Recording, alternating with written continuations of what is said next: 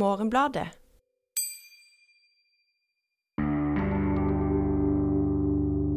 Men, men, det er jo et godt poeng at den har jo dette. altså Den synliggjør hva skal si, revolusjonsromantikk og kapitalismekritikk som et produkt. Men så lenge det ikke uh, resulterer i noe handling, så er jo det harmløst. Velkommen til Morgenbladets film- og TV-seriepodkast. Jeg heter Ulrik Eriksen og er filmkritiker i Morgenbladet. Og med meg i studio har jeg kulturjournalist Elise Dybvik. Hei. Og TV-kritiker Aksel Kielland.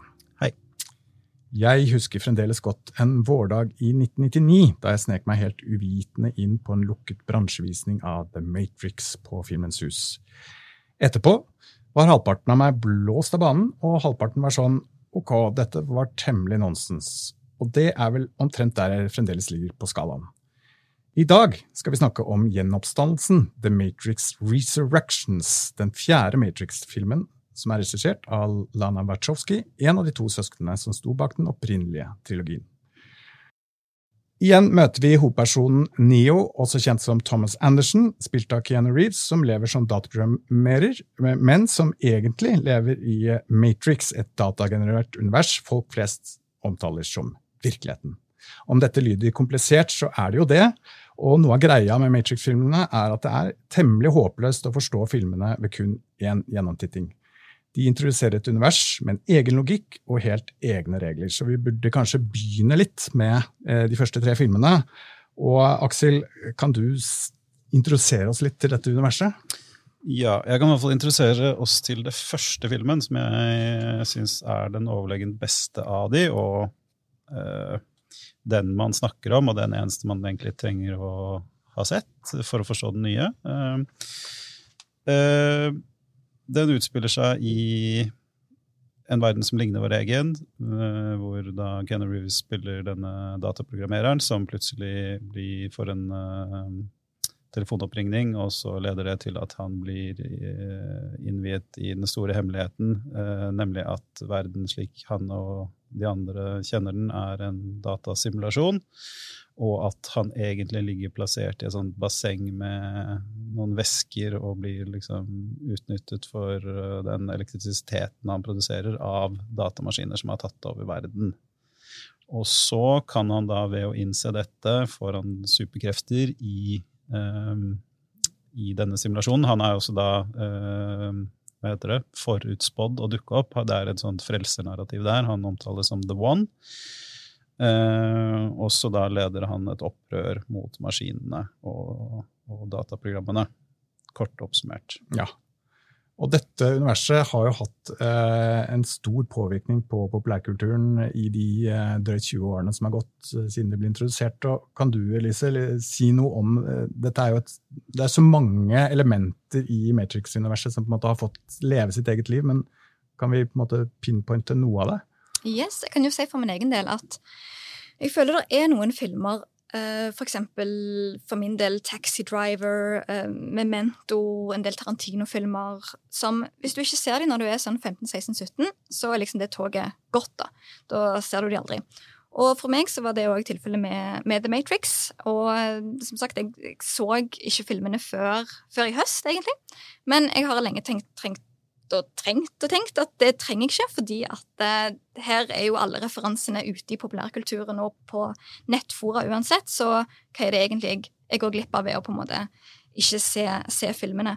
Og da er det jo nettopp hvordan denne filmen har noen sånne ideer, referanser og symboler i seg som har blitt kanskje tatt over av enkelte grupper i de senere årene, som òg gjorde at jeg hadde en sånn avsmak mot å se den, fordi jeg tenkte først og fremst Når jeg tenker på filmen, så tenker jeg på det som en sånn eh, Hva skal vi si Guideboken til ytre høyre-folk, mensaktivister.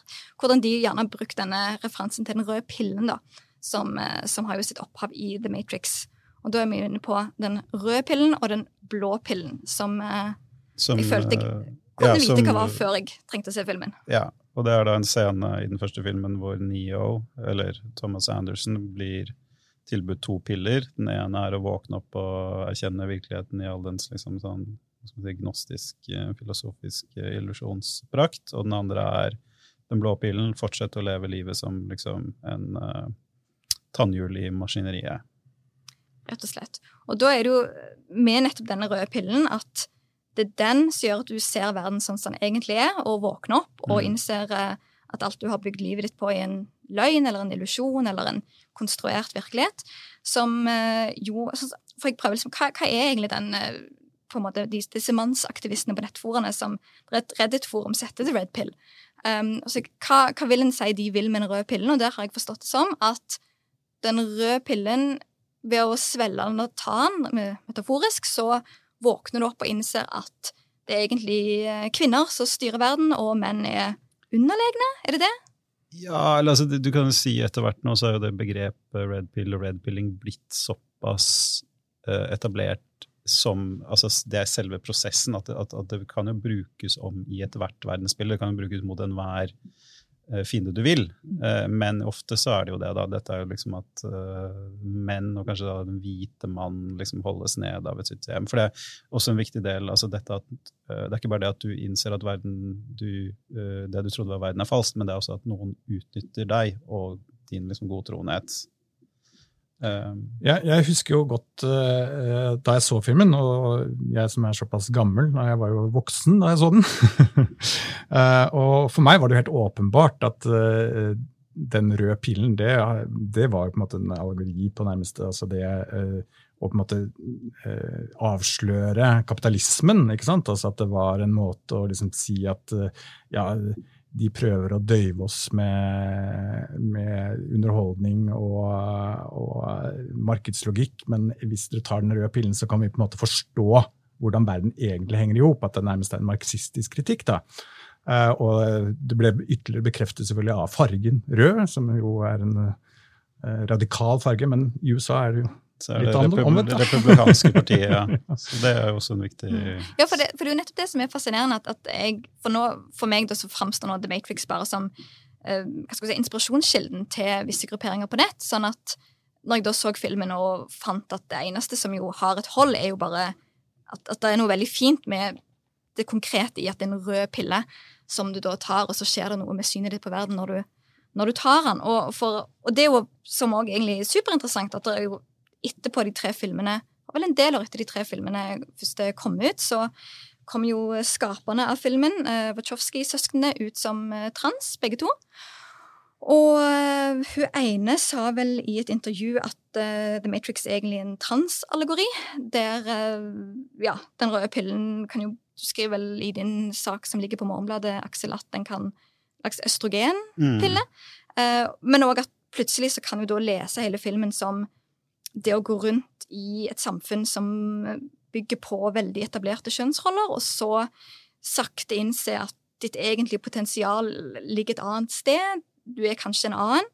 Um, og så ved å stille spørsmålstegn ved sin egen identitet og det som samfunnet bygger på, så risikerer du at plutselig så vil alt være i et nytt lys. Ja. Så identitetspolitikken har på en måte tatt over Matrix. eh, Den egner seg jo veldig godt Ja. til eh, en identitetspolitisk diskusjon, fordi den handler jo i veldig stor grad om hva er identitet, identitet hvilken identitet har du egentlig, hva, hvem er du egentlig, uh, Og så- Og så er jo filmen liksom skreddersydd for memeproduksjon. da. Og den kom jo i en sånn tidlig fase av internett og liksom ble en viktig film på internett og har fortsatt å prege internett. Og liksom det som ofte skjer med internett, er jo at ting rives fra hverandre, og så får de ulike bestanddelene får andre betydninger, og den muterer over tid. Og det er egentlig til enhver tid ganske vanskelig å skjønne den konkrete betydningen av et symbol eller et begrep hvis du ikke har fulgt med hele uh, veien. Mm. Og han eh, slovenske filosofen Slavoj Sisek, han sier sikkert feil, eh, sa på et tidlig tidspunkt at eh, for han så var The Matrix eh, en slags filosofisk å, Så sier jeg det sikkert dette òg feil. Rorschach. Rorschach-test. Du må unngå å finne ting som har vanskelig navn i seg. Um, at, at filmene kan levere egentlig på akkurat de filosofiske og politiske betraktningene du sjøl går rundt med. da. Uh, så får du liksom de til å passe inn i det filmen uh, bygger opp, da, rett og slett. Men det er jo det man eh, ofte med et, med et eh, honnørord kaller liksom flertydighet. Da. Og det er jo en styrke denne filmen har, den, i hvert fall den opprinnelige filmen har over de fleste andre filmer i samme kategori. Det er at den kan leses på forskjellige måter, og den leses forskjellige måter over tid. Mm.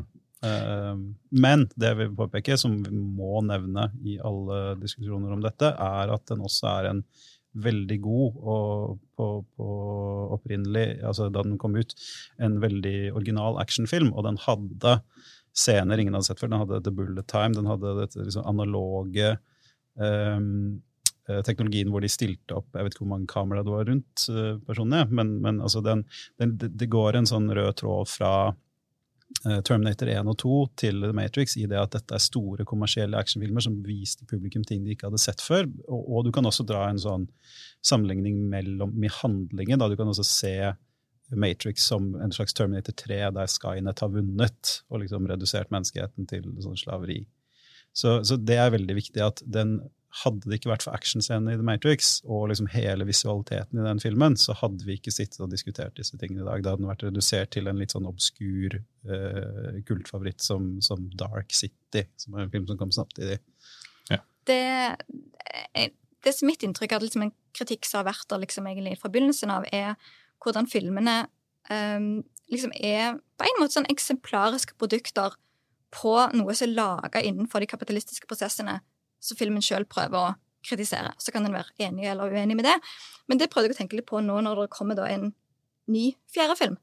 Fordi det er jo sånn uh, Hollywood elsker å gjøre det, men så føler en jo at uh, The Matrix var filmer som ville kanskje noe litt mer enn den gjengse Hollywood-blockbusteren.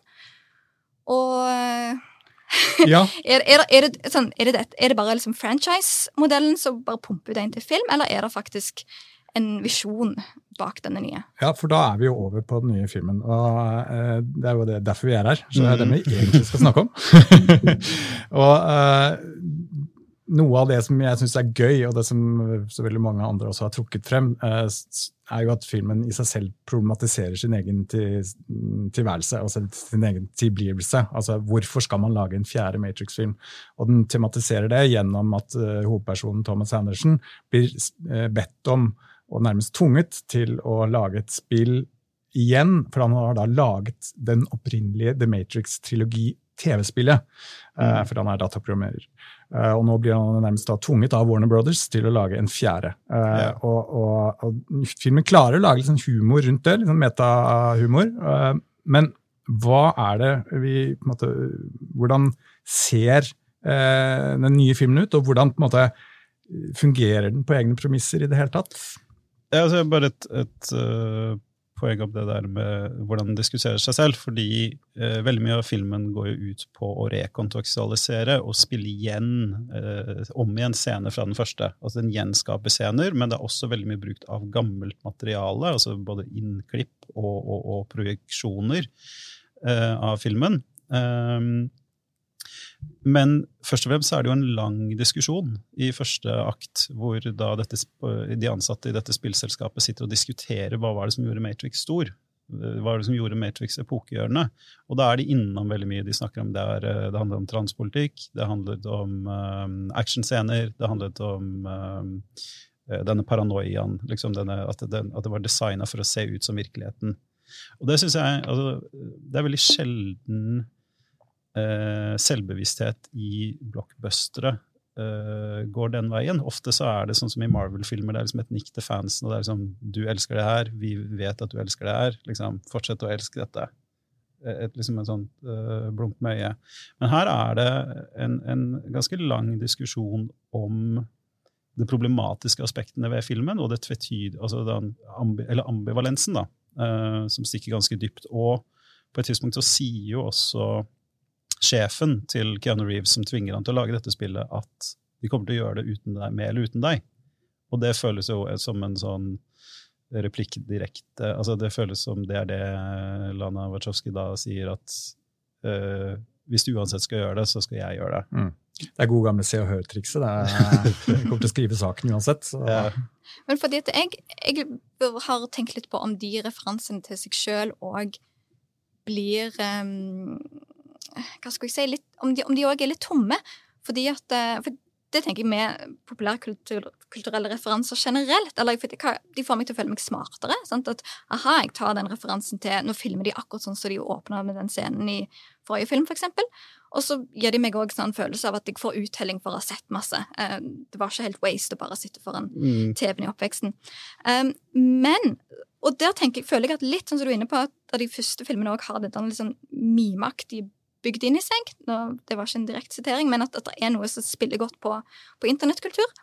Så føler jeg òg at mange av de vitsene, hvis en kaller det vitser, eh, eller referanser til, til, sitt eget fenomen, da, blir litt sånn ha-ha meta. Eh, det var det jeg tenkte litt først. Og så eh, kom jeg over Det er jo denne franske filosofen som heter Jean Baudrillard, som har skrevet en tekst etter Simulacra and Simulation, som Wachowski-søsknene var veldig inspirert av når de lagde den første Matrix-filmen, og som de ba alle skuespillerne om å lese, så det var nesten pensum. Eh, og mange av hans ideer blir da på ulikt vis eh, formidla gjennom filmen.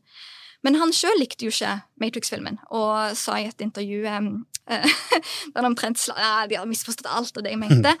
Og så kom han med en interessant kritikk som jeg mener er litt kompliment til denne nye filmen. så det skal jeg pakke ut. Men han uh, sa i sin tid at The Matrix er nøyaktig den type film om The Matrix som The Matrix ville vært i stand til å produsere. Uh, på den måten at uh, du får akkurat den type metadiskusjon, hva er virkelighet, hva er drøm, produktet som i denne virkeligheten der en vil gjerne holde folk nede og ikke få de til å tenke sjøl, produserer.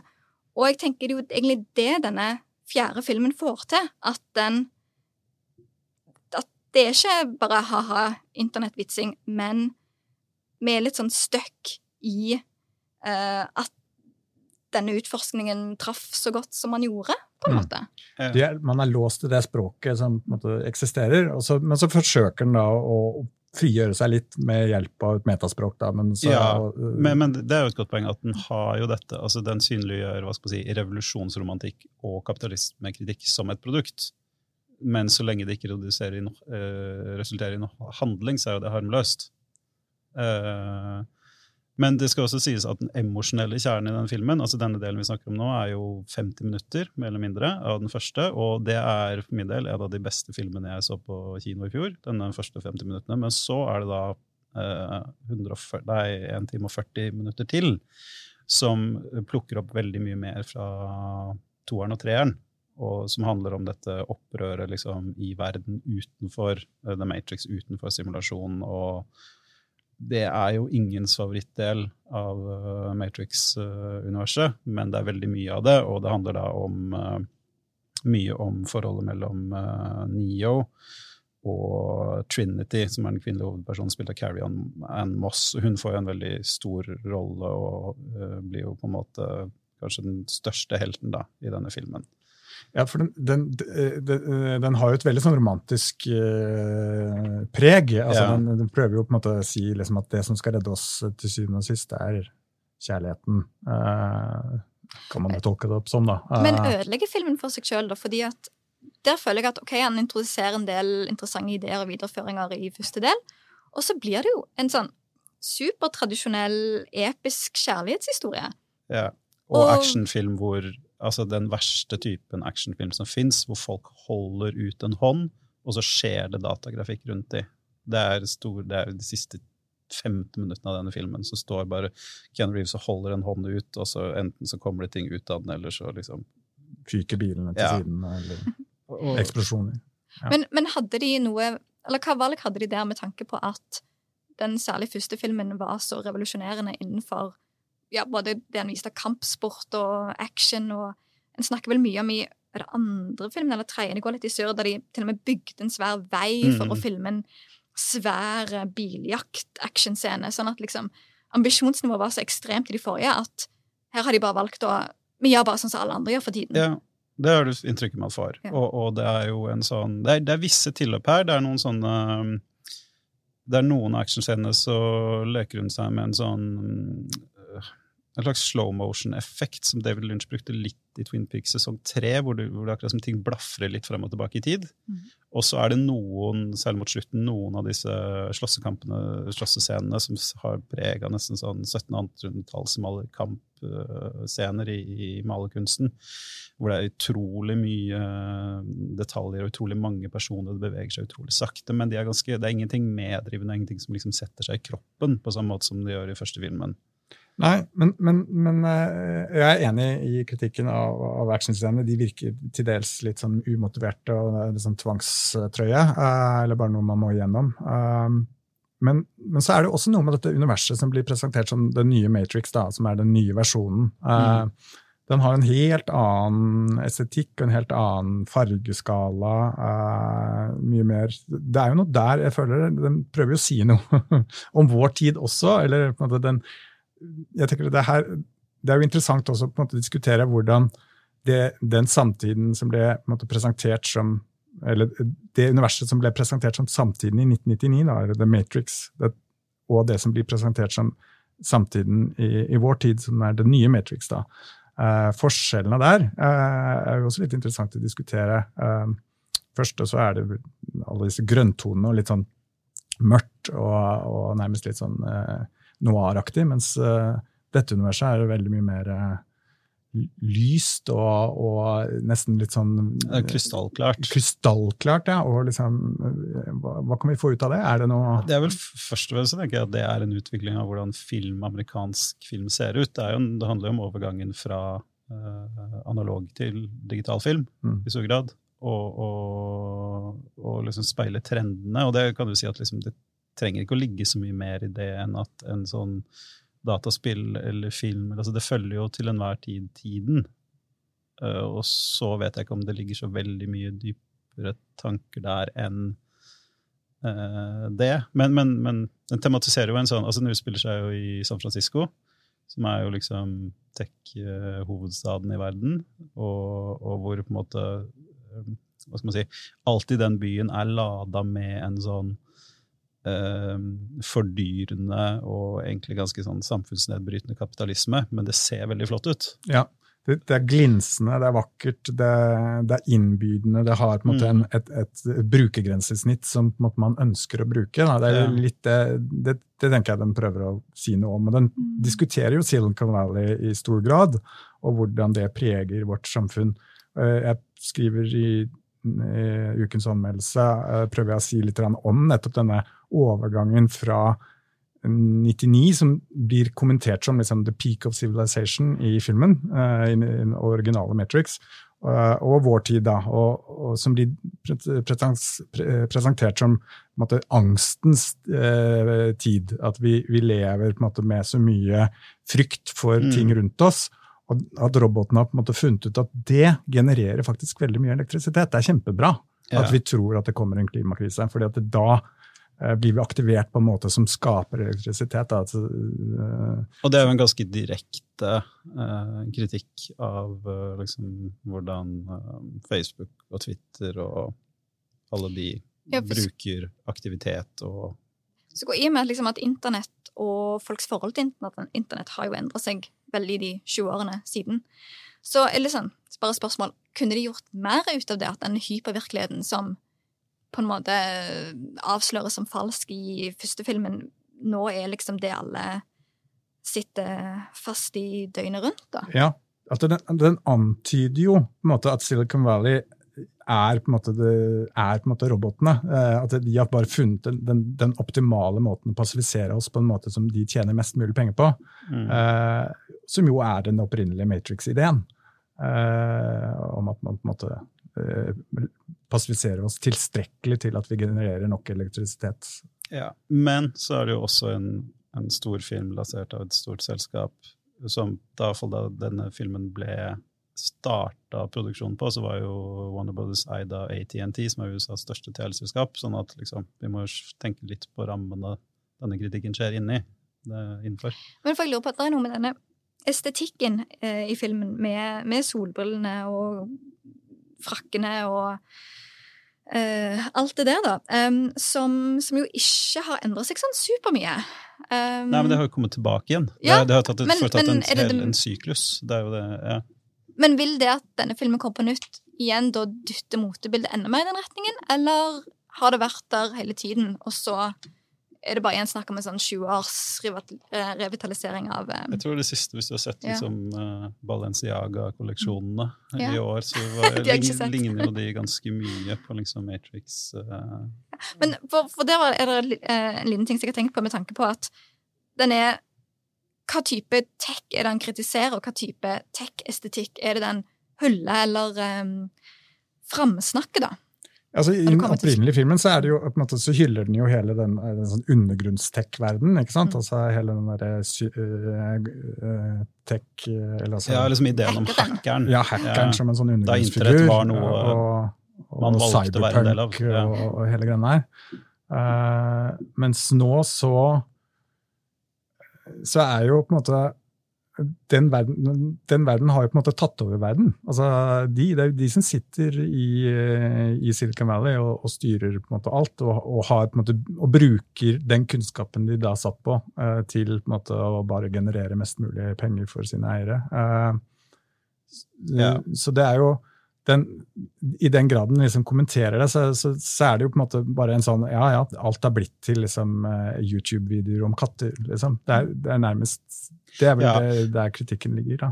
For det, ja, for det, det skal sies at den, jeg var overraska. Denne filmen er mye bedre og mer interessant enn jeg, enn jeg hadde trodd den skulle være. Men den er jo også en fange av sin egen øh, fortid. da. Altså den, skal, den, tar jo på seg da å bare fortsette alt det kjedelige som ingen likte fra de tidligere filmene.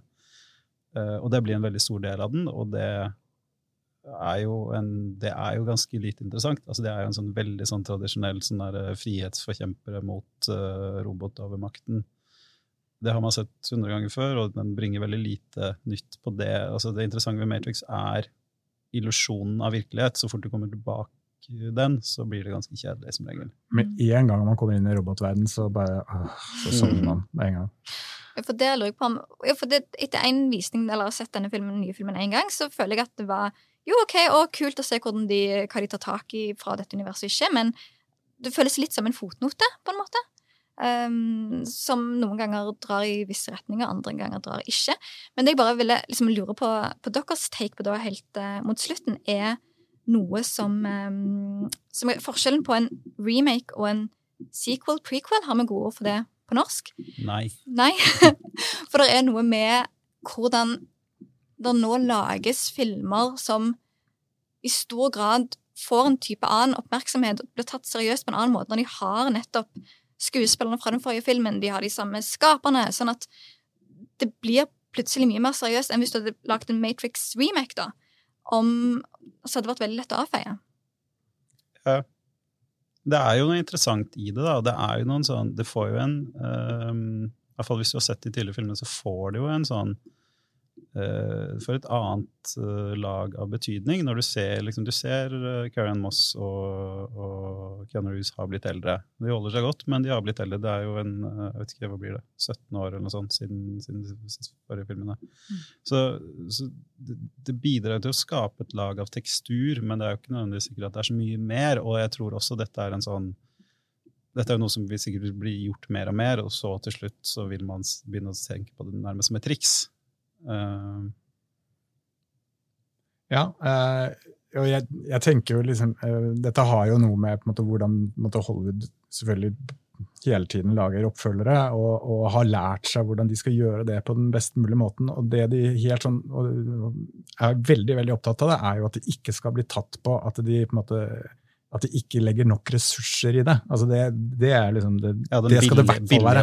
Det skal i hvert fall være dyrere, og det skal være større de må på en måte uppe det, og da må de ha med flest mulig av de originale eh, skuespillerne, blant annet da, som en sånn garanti. Det er nærmest en sånn ja, eh, Vi kan Men, garantere at vi, at vi, gjør dette så, så, dyrt og så seriøst som mulig. Ja, så lager den jo ikke filmer heller av uh, ting som var superpopulært på 30-tallet der på en måte publikum Nei, men 50-tallet, når ja. West Side Story kom? Ja, ja. Jo, men eller, jeg bare prøver å si at liksom, West Side Story er òg litt lurer litt på hvorfor egentlig noen har bestemt seg for å lage på nytt.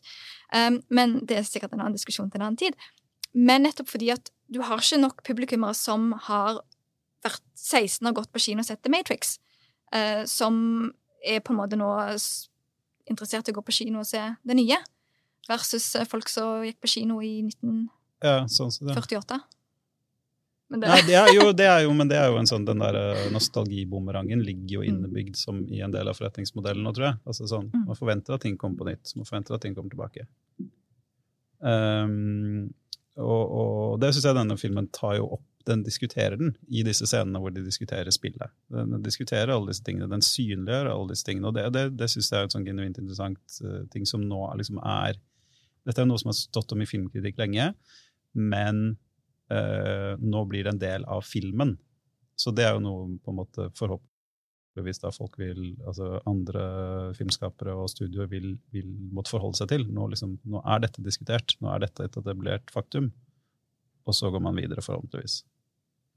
Kanskje blir dette starten på eh, et, et helt nytt kapittel i Hollywoods historie. Eh, Jeg er optimistisk, men kanskje eh, da tror jeg vi skal si at det var det vi hadde å si om The Matrix Resurrections, som for tiden går på kino. Eh, vi har tid til noen anbefalinger på slutten. Eh, Lise? yes. Rett før jul så ga Nasjonalbiblioteket ut en samling med fem av Vibeke Løkkeberg sine filmer. Som eh, jeg har eh, begynt på, og som eh, virkelig syns er gøy at er, de filmene blir mye mer tilgjengelige enn det de har vært.